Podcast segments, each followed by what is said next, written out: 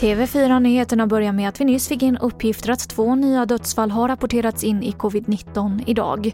Totalt har 5 878 personer avlidit i sjukdomen i Sverige. Detta enligt Folkhälsomyndighetens senaste siffror. Idag höll statsminister Stefan Löfven pressträff om coronaläget i Sverige. Statsministern sa att man ser tecken på att antal smittade ökar i vissa områden i landet. Men man har inte fattat beslut om några lättnader i restriktioner eller rekommendationer.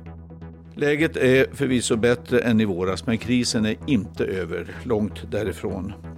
Och det vi gör rätt nu, det kommer vi att få glädje av senare det vi gör fel nu, det kommer vi att få lida för senare.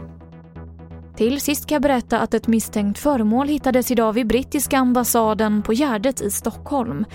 Polisen kunde efter knappt två timmar meddela att bombskyddet avvecklats och att patrullen på plats inte behövde deras hjälp mer.